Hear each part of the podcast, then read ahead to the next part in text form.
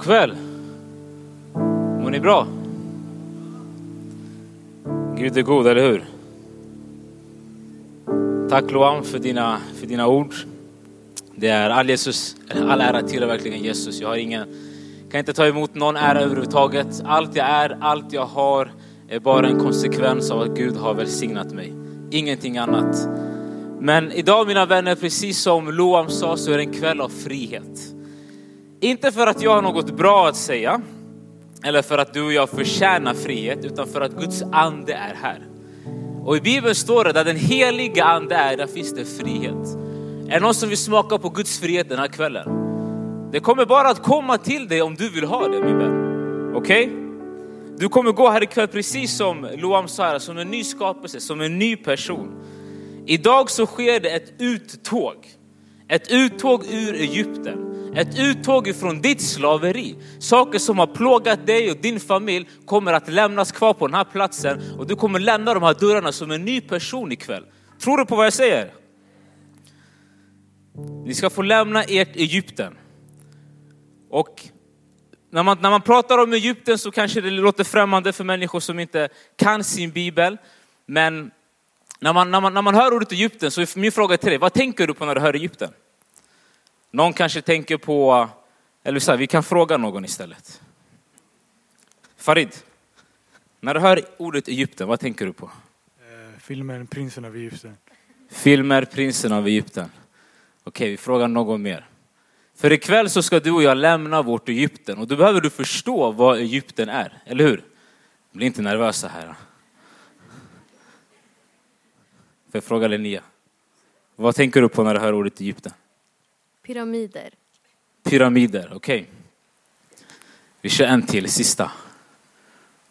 Vi frågar Jafet. Vad tänker du på när du hör ordet Egypten? Slaveri. Slaveri. Okej. Okay. Vi fick lite olika svar. Någon kollar mycket på filmer där. Någon vill resa. Så har vi en gudsman här. Nej, jag skojar bara. Skämt, skämt, skämt åt sidor. Men jag smsade några bröder under veckan. Jag skrev till dem från ingenstans. Bror, vad tänker du på när du hör ordet Egypten? Och jag ska läsa några svar som jag fick. Öken bror, en plats att lämna. Israels folks resa. Mose, farao, massa folk som luras. Pyramider, sand, Egyptenlåten, mörker, slaveri, förbannelse, gamla naturen och världen. Min vän, Egypten är en bild på världen. Egypten är en bild på en plats som Gud inte vill att du ska vara på. Det är därför jag deklarerar den här kvällen att du ska ut ur Egypten och in i det land som Gud har för dig. Amen. Det är vad Gud har, det vad Gud har lovat mig ska ske den här kvällen. Egypten var en plats där Guds folk var slavar. De hölls fångna men Gud befriade sitt folk från ett slaveri. Och idag så kommer din och min befrielse. Gud vill befria dig från ditt slaveri. Och du kanske tänker Paulus, jag är ingen slav. Låt mig läsa det första bibelordet för ikväll. Johannes 8.34. Jesus svarar, jag säger er sanningen. Var och en som ägnar sig åt synd är syndens slav. Och Bibeln lär oss att vi alla har vandrat vilsna som får. Ingen är utan synd står det. Så du och jag är slavar till synden. Ibland gör vi saker vi inte vill göra. Vi kommer hit, förstår, vi hör vad Gud säger till oss, men ändå så förmår vi inte att göra det Gud har sagt till oss, för vi är slavar. Någonting håller oss tillbaka. Men ikväll ska du bli fri. Ikväll så kommer du att lämna all synd, all fruktan, all rädsla, depression, ångest, självmordstankar. Du som är beroende av nikotin, tobak, alkohol, fest, pornografi. Allt kommer lämnas ikväll på den här platsen. Amen. Du kommer gå ut härifrån som en ny person. Innan jag går vidare, låt oss bara be och lägga den här kvällen i Guds händer och att Guds ande ska få göra ett djupt verk i ditt hjärta. Herre, vi bara välkomnar dig den här stunden. Jesus, jag bara lyfter upp ditt namn. Och jag tackar dig Gud att du ska få uppenbara din vilja ikväll för varje man och kvinna som är här. Herre, du vet exakt vad varje person går igenom, vad de står i Herre. Bara du utforskar djupet i varje människa. Och jag tackar att vi ska våga öppna upp Gud Fader, de rummen som vi har, varit, som vi har dolt för dig Gud Herre. Och vi ska kliva in i Röda havet den här kvällen och ta emot våran frihet Jesus. Heligande, jag bara välkomnar dig. Tack att du redan är på den här platsen, du har redan påbörjat ditt verk. Tack att du också ska slutföra det den här kvällen Gud. I Jesu namn. Och allt folket sa, Amen, amen. Den helige ande är här. Varför? För jag bad honom att komma. Han är en gentleman. Om du ber honom att komma så kommer han att komma, så han är här mitt ibland oss. Många av er kommer att bli förvandlade ikväll och Gud har redan påbörjat sitt verk. Men låt oss gå tillbaka till Egypten och det israeliska folkets slaveri. Varför var de slavar? Varför var de slavar i Egypten? Jo, för att Gud hade välsignat dem. Hur är det en välsignelse att vara en slav? Det var inte det Gud välsignade dem med. Men Gud förde människor, förde israeliska folket till Egypten för att rädda dem från att svälta sig ihjäl. Och när de väl var där så välsignade han dem så mycket att de bara födde barn efter barn. Kvinnorna födde så många barn att de uppfyllde hela landet. Så farao och egyptierna de blev rädda och tänkte vänta vi måste göra någonting här. Om judarna blir fler än oss då kanske de kommer övermanna oss och ta över hela vårt rike. De börjar bli fler än vad vi är.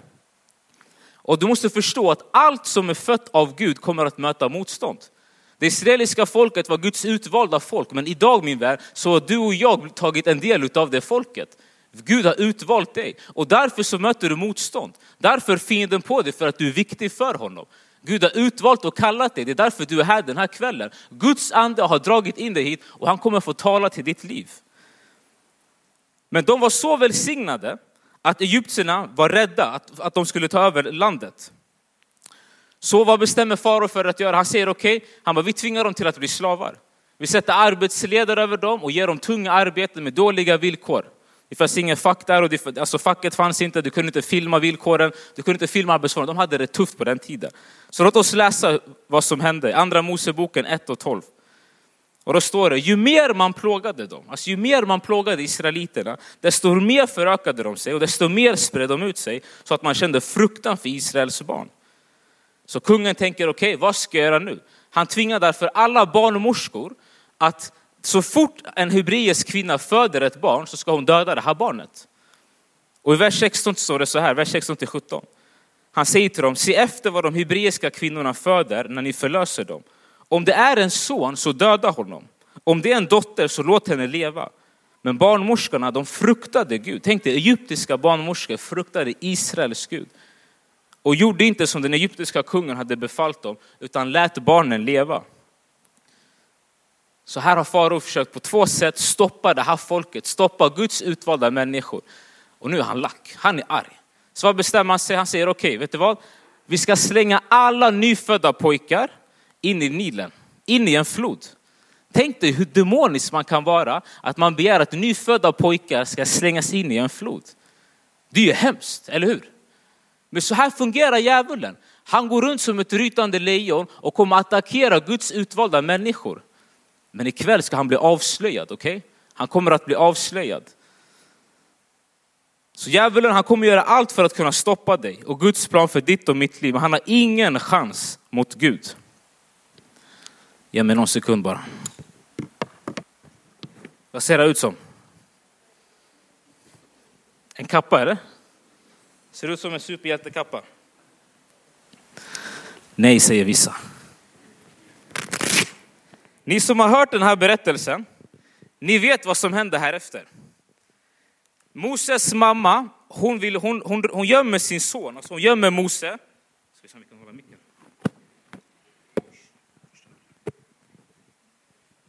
Okay. Hon, håll, hon håller Mose gömd, hon slänger honom ner i Nilen i en liten korg.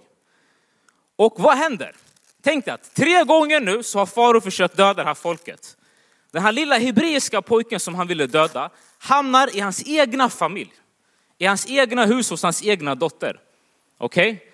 Jag tyckte det här var ganska roligt. Farao han måste blivit rasande. Jag tror inte han visste om det här, för då hade han sagt till sin dotter att lämna tillbaka det här barnet. Men tänk att vet, när Gud har en plan för ditt liv, det spelar ingen roll vad fienden gör. Gud kommer alltid skapa en väg så att du kan vandra i den planen som han har för dig. Och det hände Mose också. Mose visste inte om det. Gud visste inte om, eller hans mamma visste inte om vad som skulle ske. Men han höll på att gräva sin egen grav. Men sen så Mose växer upp, han lever i det här fina palatset. Helt plötsligt så ser han hans kusiner där ute, hans släkter, hans släktingar vara i det här slaveriet. Han förstår att de där ute, det är mina bröder, det är mitt kött och blod. Jag måste gå ut och hjälpa dem. Och när han går ut en kväll så ser han hur en egyptier med boxningshandskar slår ihjäl en av de här israeliterna. Och vad gör han? Det första han gör, han går fram till den här egyptiern, han kollar så att ingen ser honom och han slår med sina egna händer, slår han ihjäl den här egyptiska killen för att han slog hans israeliska broder. Och varför har jag på mig den här kappan? Jo, Det är för att du och jag behöver ta av oss kappan. Vi behöver ta av oss våra boxningshandskar. Det här är en bild på att gå i egen kraft och egen styrka. Tänk att ni som kan den här berättelsen, ni vet att Mose var utvald, han var kallad till att befria sitt folk.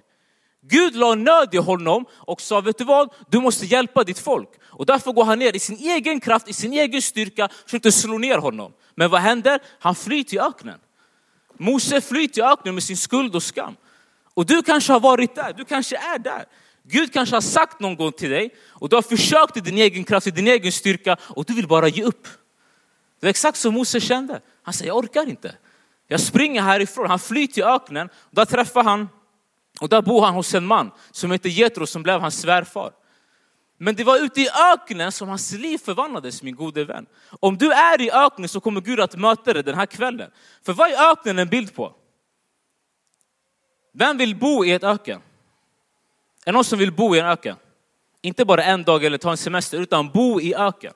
Man vill inte göra det, varför? Det är torrt. Det finns inget liv i öknen.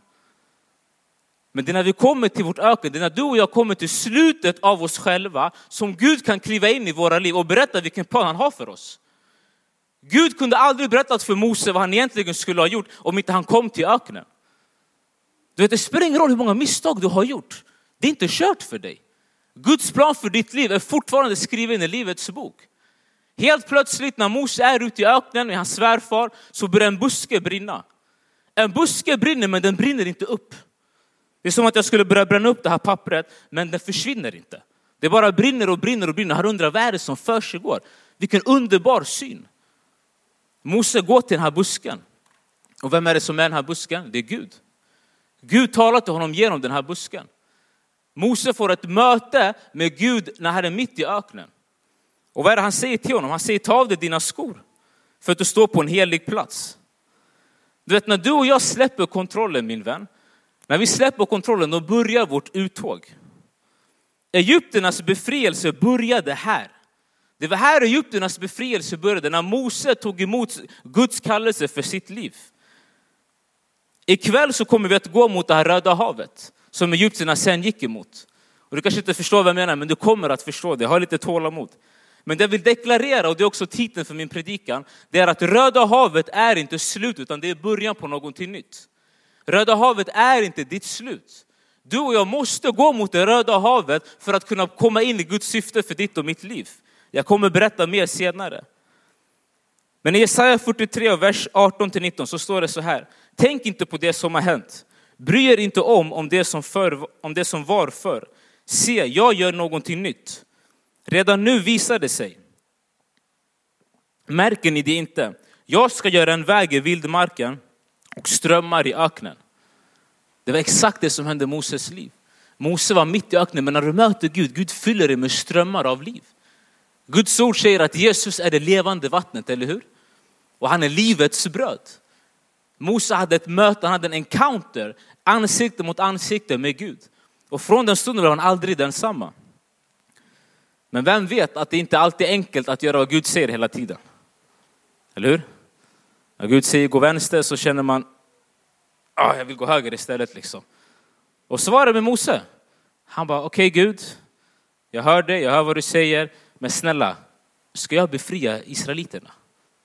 Hur ska jag befria? Jag har nyss dödat en egyptier, farao efter mig. Det israeliska folket snackar skit om mig, jag är en mördare i deras ögon. Jag har en dom i mitt register, jag har suttit inne, jag har varit i häktet. Det kanske är det Mose liksom, det var det han sa med andra ord. Sänd någon annan, jag kan inte ens prata, jag har ingen utbildning, jag har ingenting. Och Gud bara, jag sänder dig. Gud bara, måste säga, hörru du måste sända någon annan. Vi hamnar ofta i konflikter med honom, eller hur? Eller är det bara jag som hamnar i sådana konflikter med Gud? Nej, du också.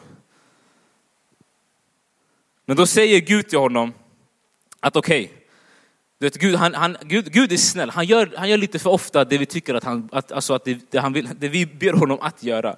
Låt oss läsa vad han säger här i andra Moseboken 4, vers 1-3. Och Moses svarar, okej okay, men om de inte tror mig och inte lyssnar på mina ord utan säger Herren har inte uppenbarat sig för dig. Då säger Herren till honom, vad har du i handen? Han svarade en stav kastar den på marken. Han kastar den på marken så förvandlas den till en orm och Mose flydde för den. Alltså Mose och Gud hade en lång diskussion och Mose sa, okej om jag ska gå så kräver jag ett tecken här och nu som jag kan visa för mitt folk så att de verkligen tror att du, att du, att du har verkligen sänt mig. Jag kan inte gå tillbaka till dem utan någon, utan någon tro, utan något tecken. Och den här staven den har använts många gånger i vår församling, eller hur? Man kan använda den på nytt. Det finns som Guds ord. Det finns nya uppenbarelser varje gång. Mose frågar honom, Gud frågar Mose, vad har du i din hand? Han säger, jag har en stav. Så han bara, okej, okay, kasta den på marken. Han kastar den på marken och det blir en orm. Och det står att han flydde för sitt liv. Jag hade också flytt för mitt liv. Om jag slänger den här nu och det blir en orm. Eller hur? Jag hade flytt för mitt liv. Det var det Mose gjorde. Ah, Gud måste ha skrattat. Varför gjorde du inte bara det jag sa från början? Gud har, Gud har humor, okej? Okay? Om du och jag har humor så har han humor. Vi skapar till hans avbild. Älskade vänner, allt du behöver har Gud redan lagt ner i dig. Allt du behöver har Gud redan lagt ner i dig. Men du jämför dig för mycket på sociala medier med alla andra och så tror du att du inte har vad du behöver för att göra Guds kallelse. Du kollar på predikanter, pastorer, andra människor, folk i din wow-grupp, wow-ledare och du säger jag har inte det jag behöver. Sluta kolla på andra. Kolla på vad Gud har för dig istället. Kolla på dina händer, vad har Gud lagt ner i dig? Gud har lagt ner den stav som du behöver för att göra ditt syfte. Gud har lagt ner så mycket i dig. Precis som Loan var inne på, han heter talenter. Begrav inte din talent min älskade vän. Gå mot Röda havet. Det är inte ditt slut, utan det är slutet för dina fiender. Men det är början för dig. Är du med mig? Staven representerade korset. Det här var en bild för Jesu kors. Och min andra punkt, jag sa inte ens vad första punkten var, men det var att ta av kappan. Men andra punkten är genom korset är allt möjligt. Amen. Genom korset är allt möjligt och det är därför jag har ett kors här. Staven som Mose hade var en bild på korset. Och du och jag, vi behöver varje dag leva genom korset. Men vad betyder att leva genom korset? Det betyder att du blir mindre och han blir större. När Jesus blev uppspikad på det här korset så behöver du förstå att det är du som blev uppspikad där. Det var dina synder han bar, dina brister. Och det här utbytet sker varje morgon när du går ner på dina knän och tackar Gud för den här dagen. När du har din daily prayer. Vem känner till daily prayer? Den undervisningen som vi har haft. Du behöver dagligen be till Jesus. Moses samtalade dagligen med honom. Han samtalade inte bara utan han lyssnade. Du behöver din daily devotional, du behöver läsa din bibel. När du läser din bibel så leder Gud dig på exakt de stigarna som du ska. Ni som kan den här storyn, ni vet att Mose han gjorde bara, till slut i alla fall, det Gud bad honom att göra. Tio gånger om så går han inför farao, inför den här mäktiga mannen. Och han hade säkert access dit fortfarande, för han föddes ju där. Han hade någon bricka kvar inne i hans byggnad. Men tio gånger går han in. Och tio gånger så, så blir han nekad, eller hur? Eller nio gånger, den tionde gången så släpps han ju till slut. Men du, vi behöver förstå att genom korset så är allting möjligt. I din och min egen kraft kommer vi aldrig kunna göra någonting. Du kan gå i egen kraft, precis som Mose gjorde. Och du kommer göra misstag. Du kommer göra misstag. Jag hoppas att du inte kommer begå ett mord. Men det finns flera unga personer som just nu begår mord, de begår misstag. Och i Jesu namn ska de komma hit och möta Jesus. Och få möta korset och börja leva genom det. Men du och jag behöver möta korset. Jesus han går ett steg längre och han säger, bara du har hat mot din broder i ditt hjärta så är du en mördare. Vi behöver be Gud om förlåtelse. Vi behöver komma ut ur vår Egypten, vi behöver bli fria från vårt slaveri. Amen. Och vi behöver även offra. Vi behöver ge av våra medel. Mose han vägrade lämna Egypten utan att få ta med sig sin boskap, sina djur. På den, tiden, på den tiden när man kom inför Gud så gav man sina djur. Det var, det var liksom den tidens pengar, det var, den, det var det man offrade till Herren. Vid ett tillfälle så säger farao, vet du vad? Okej, ni får gå. Ni har, Gud har plågat mig så mycket. Ni får gå, ta med era barn. Och, och, och Moses säger, jag ska inte, mina barn, min, mina fruar, de räcker inte. Min familj, det räcker inte. Utan vi måste ha med oss boskapen. Offret visar att du lever genom honom, att du sätter din tro till han och inte till dig själv. Du vet när jag kom hit till församlingen, jag hade svårt att ge för jag var bunden av girighet. Jag var bunden av pengar. Jesus säger inte att du kommer känna han eller Satan, utan han säger att du kommer känna mamon, girighet, alltså rikedom eller Jesus själv. Många utav oss här inne har problem med att ge. Varför? För att du har gjort pengar till din Gud. Men ikväll så ska Jesus bli din Herre. Du ska inte frukta någonting. Du ska inte fästa din blick på dina konton, på vad dina föräldrar har för inkomst, utan du ska fästa din blick på vad Jesus kan göra genom ditt liv. Amen. När du ger honom det lilla du har, vet du vad? Han kommer multiplicera det. Gud ljuger inte. Om han säger det du sår kommer du att få skörda, så kommer du att få skörda det. Tror ni på det? Och för dig som har gått ett tag med Gud så vill jag uppmuntra dig till att fasta. Ha en livsstil där du fastar. För när du fastar då blir du mindre och han kan bli större. Då blir korsets kraft, då blir anden i dig mycket starkare. Är du med mig? Det här livet handlar inte om vad du och jag kan göra. Det handlar inte främst om vilken stav, det handlar om Guds ande som bor i dig. Djävulen han fruktar inte dig utan han fruktar Gud som bor på insidan utav dig. Det var därför Mose behövde dö så att Gud kunde uppstå genom honom. Alltså Mose behövde dö från sig själv. Guds kraft, korsets kraft, bor i dig genom den helige ande. Och när Mose väl skulle bege sig till Egypten så sände inte Gud honom ensam, utan han sände Aron med honom. Mose hade en bror som hette Aron. Och Mose sa, han bara, jag vill inte gå dit själv. Så Gud sa, okej, okay, vet du vad? Du har en bror som heter Aron. Han bara, han ska gå med dig, han ska tala för din skull. Och Aron, eller Aron, Aron, exakt, Mose hade en bror som hette Aron. Aron min vän är en bild på den heliga ande. Aron var den som, Mose la, Mose la orden i Arons mun. Aron förde hans talan. När, lärjungarna, när Jesus sände ut sina lärjungar, vem var, det som, vem var det han sa skulle påminna om allt de skulle säga? Det var den helige ande. Det var Guds ande. Han sände inte dem ensamma, han övergav inte dem. Gud har inte övergett dig och mig. I Johannes evangeliet 14.26 så kan vi läsa Jesus säger det här, men hjälparen, den helige ande som fadern ska sända i mitt namn, han ska lära er allt och påminna er om allt som jag har sagt er. Och i Lukas 12 och 12 så står det, den helige ande kommer i den stunden att lära er vad ni ska säga. Mose var inte ensam. Jesus lärjungar var inte ensam, du är inte ensam. Jag hade en kille i min wow-grupp som sa till mig, Paulus jag behöver en nära bror, en som jag kan hälla ut mitt hjärta för. En som jag bara kan ringa och samtala med. Och jag sa till honom, vet du vad? Jag bara, din framtida fru, jag, din wow-grupp, den här brodern du letar efter, ingen kommer alltid kunna vara, vara där för dig. Den du söker, det är den heliga ande. Han behöver du närma dig. Han behöver vara din bästa vän. Han behöver vara den du snappar mest med. Facetimar mest med. Han behöver vara den du ringer mest. Han behöver vara den som du häller ut ditt hjärta för. Varför? Att han älskar dig. Han kommer aldrig svika dig. Han kommer alltid finnas där för dig. Är du med mig? Tänk att Gud, Gud själv har valt att bo i dig. Du är Guds tempel. Den helige ande bor i dig för att han älskar dig. Det är nåd, eller hur? Och den sista punkten, nummer tre, gå mot det Röda havet oavsett vad. Är ni med mig? Vi är på väg mot det Röda havet. Det syriska folket var på väg mot det Röda havet. Röda havet på hebreiska, är, är, ordet för det är Jamsuf. Och det står i Bibeln att det kan översättas till slutets hav. Alltså Röda havet kan, kan med andra ord också betyda slutets hav. Och när jag tänkte på det här så förstod jag, okej okay, men det här är inte slutet för Guds folk. Det är inte slutet för dig och mig. När man tänker på ett hav så tänker man på utmaningar. Man tänker på, när vi pratar om stormar, liksom, det kommer stormar emot oss. Och man, när man läser om Röda havet så tänker man, att ah, det, var, det var ett hinder för Guds folk. Men Röda havet var inte ett hinder. Det var ett segervapen.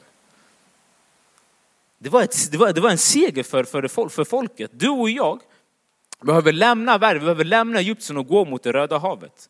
Även om inte du förstår hur du ska igenom så behöver du gå mot havet oavsett vad. Vi kan inte vara kvar i världen. Vi kan inte vara kvar utan vi behöver gå mot det här röda havet. Och jag bara läser ett bibelord till er från Jakobs brev kapitel 4, vers 4 till 6. Och där står det, ni otrogna, vet ni inte att vänskap med världen är fiendskap mot Gud? Den som vill vara vän med världen blir fiende till Gud. Eller tror ni att det är tomma ord när skriften säger, svartsjukt längtar anden som han låtit bo i oss. Men större är nåden som han ger. Därför heter det Gud står emot de högmodiga men ger nåd åt de ödmjuka. Varför säger jag gå mot havet? Varför säger jag lämna Egypten? Jo, för att det är en bild på världen. Israeliterna var slavar fysiskt, men många här är slavar själsligt. En slav är någon som inte har makt över sig själv. Ni gör inte det ni vill göra och det ni vill göra kan ni inte göra. Många av er kämpar med olika saker, ni har inte makten över era själar. Men idag så kommer befrielsen. Ikväll så kommer ett uttåg. Låt oss läsa om israeliternas uttåg. För Mose, han fick till slut ut israeliterna från Egypten. Efter att Gud hade sänt tio olika plågor. Och det står så här i andra Moseboken 13, vers 17 till 18.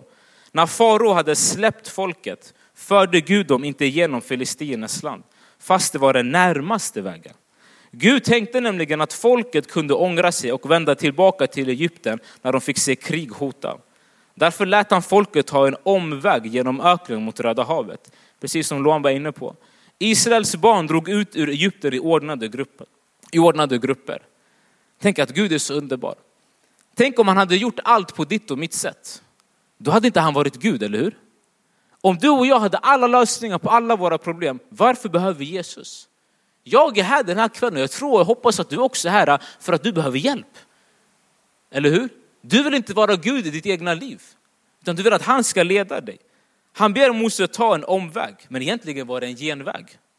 Han visste nämligen att israeliterna ännu inte hade fått smaka på hela friheten. Låt mig säga en sak. Det är många här inne som har blivit frälsta, som går i wow-grupper. Ni har lämnat Egypten, okej? Okay? Men ni har inte fått er fulla frihet. Ni har inte fått er fulla frihet. Men Jesus sa till mig, Paulus idag ska de människorna få sin frihet. Det finns så många av er, ni har lämnat Egypten. Ni har lämnat den här världen.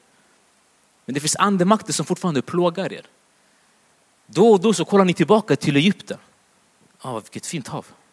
Jag såg inte det. Ni kollar, ni kollar tillbaka. Ni kollar tillbaka mot Egypten och de här rösterna säger till er, precis som rösterna sa till Mose. Du vet när Mose har befriat folket och de står där inför Röda havet, vad säger det israeliska folket? De, de ser bakom sig hur farao och sin hela armé kommer. Och de bara, Mose, kunde du inte lämnat oss i Egypten? Kunde vi inte ha fått dö där? Varför tog du oss hela vägen hit? Och hur många gånger har inte du och jag sagt så till Jesus? Jesus, varför tog du mig hit? Du har fört mig hela vägen hit, vart är det? Varför har du övergett mig? Och så kommer rösterna som säger, gå tillbaka till Egypten. Låt oss gå tillbaka till Egypten, vi kan vara slavar i Egypten. Det var exakt det folket sa till Mose. Men vet ni vad som hände sen? Vet ni vad som hände sen? Gud säger till Mose, vet du vad? Mose, vad håller du på med? Lyft din stav. Men innan, innan Mose delar på Röda havet så ska jag bara läsa ett bibelord för er. Det står så här. Andra Moseboken 14, vers 13 till 14. Du vet, Mose, han hade redan tagit av sig sin kappa. Mose, han hade redan släppt sitt eget. Han visste att jag behöver leva genom korset. Jag kan inte vara min egen superhjälte. Så han säger till folket som står där och klagar. Han säger till dem, var inte rädda. Var inte rädda. Idag säger Gud till dig, var inte rädd. Frukta inte för ditt liv. Frukta inte för ditt liv. Om du är här idag och du är rädd för ditt liv, frukta inte för ditt liv. Var inte rädd om det skjuts i dina bostadsområden, om det är sprängningar i dina kvarter. Var inte rädd. Var inte rädd. Varför? Stanna upp och bevittna den frälsning som Herren idag ska ge dig. Så som du idag ser Egypterna ska ni aldrig någonsin se dem igen. Så som du idag ser kriminaliteten i ditt område, fruktan, rädsla, vad det är du strider med. Du kommer aldrig mer följa, se eller höra dess andemakter igen efter den här kvällen. Herren ska strida för er och ni ska hålla er stilla. Herren ska strida för dig och du ska hålla dig still. Det är därför du behöver gå till Röda havet. Du behöver komma till den platsen där Gud måste strida för dig. För det är bara när han verkligen strider för dig som du kan komma ut i din frihet. Efter den här stunden så säger Gud, vad väntar du på Mose? Varför ropar du till mig? Lyft din stav och klyv det här havet. Mose lyfter sin stav, havet klyvs emellan och folket börjar gå över det här Röda havet. Och vattnet delar sig och beskyddar folket som en stor mur.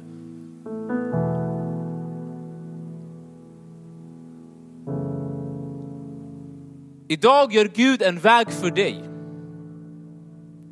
En rak väg in i friheten. Precis som jag sa i min tredje punkt, gå mot Röda havet. Gå mot Röda havet oavsett vad. Ta inga genvägar, stanna inte upp utan fortsätt gå. Du vet de här andemakterna som viskade till dessa egyptier, de kanske viskar till dig än idag. De kanske viskar till dig just nu. Du borde gå. Men vet du vad? Fortsätt gå mot Röda havet. Gå mot Röda havet. Varför? Vad händer när du och jag kliver in i det här havet? Vad händer när egyptierna och israeliterna kliver in i det här havet? Tänk dig, två miljoner israeliter, de går, de går, Mose med sin stav liksom. Och så har du en hel armé som kommer efter. Vad händer? Så fort israeliterna kommer på torrland, Mose lyfter sin stav på nytt och han stänger till havet. Och vad händer? Egyptierna försvinner. Egyptierna dör. Min vän, lyssna noga på vad jag säger. Lyssna noga på vad jag säger. Ikväll så ska du doppa dig i Röda havet.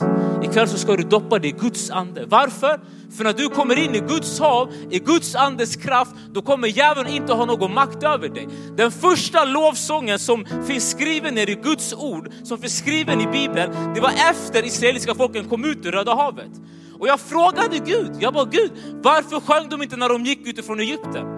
När de tågade efter 400 år av slaveri.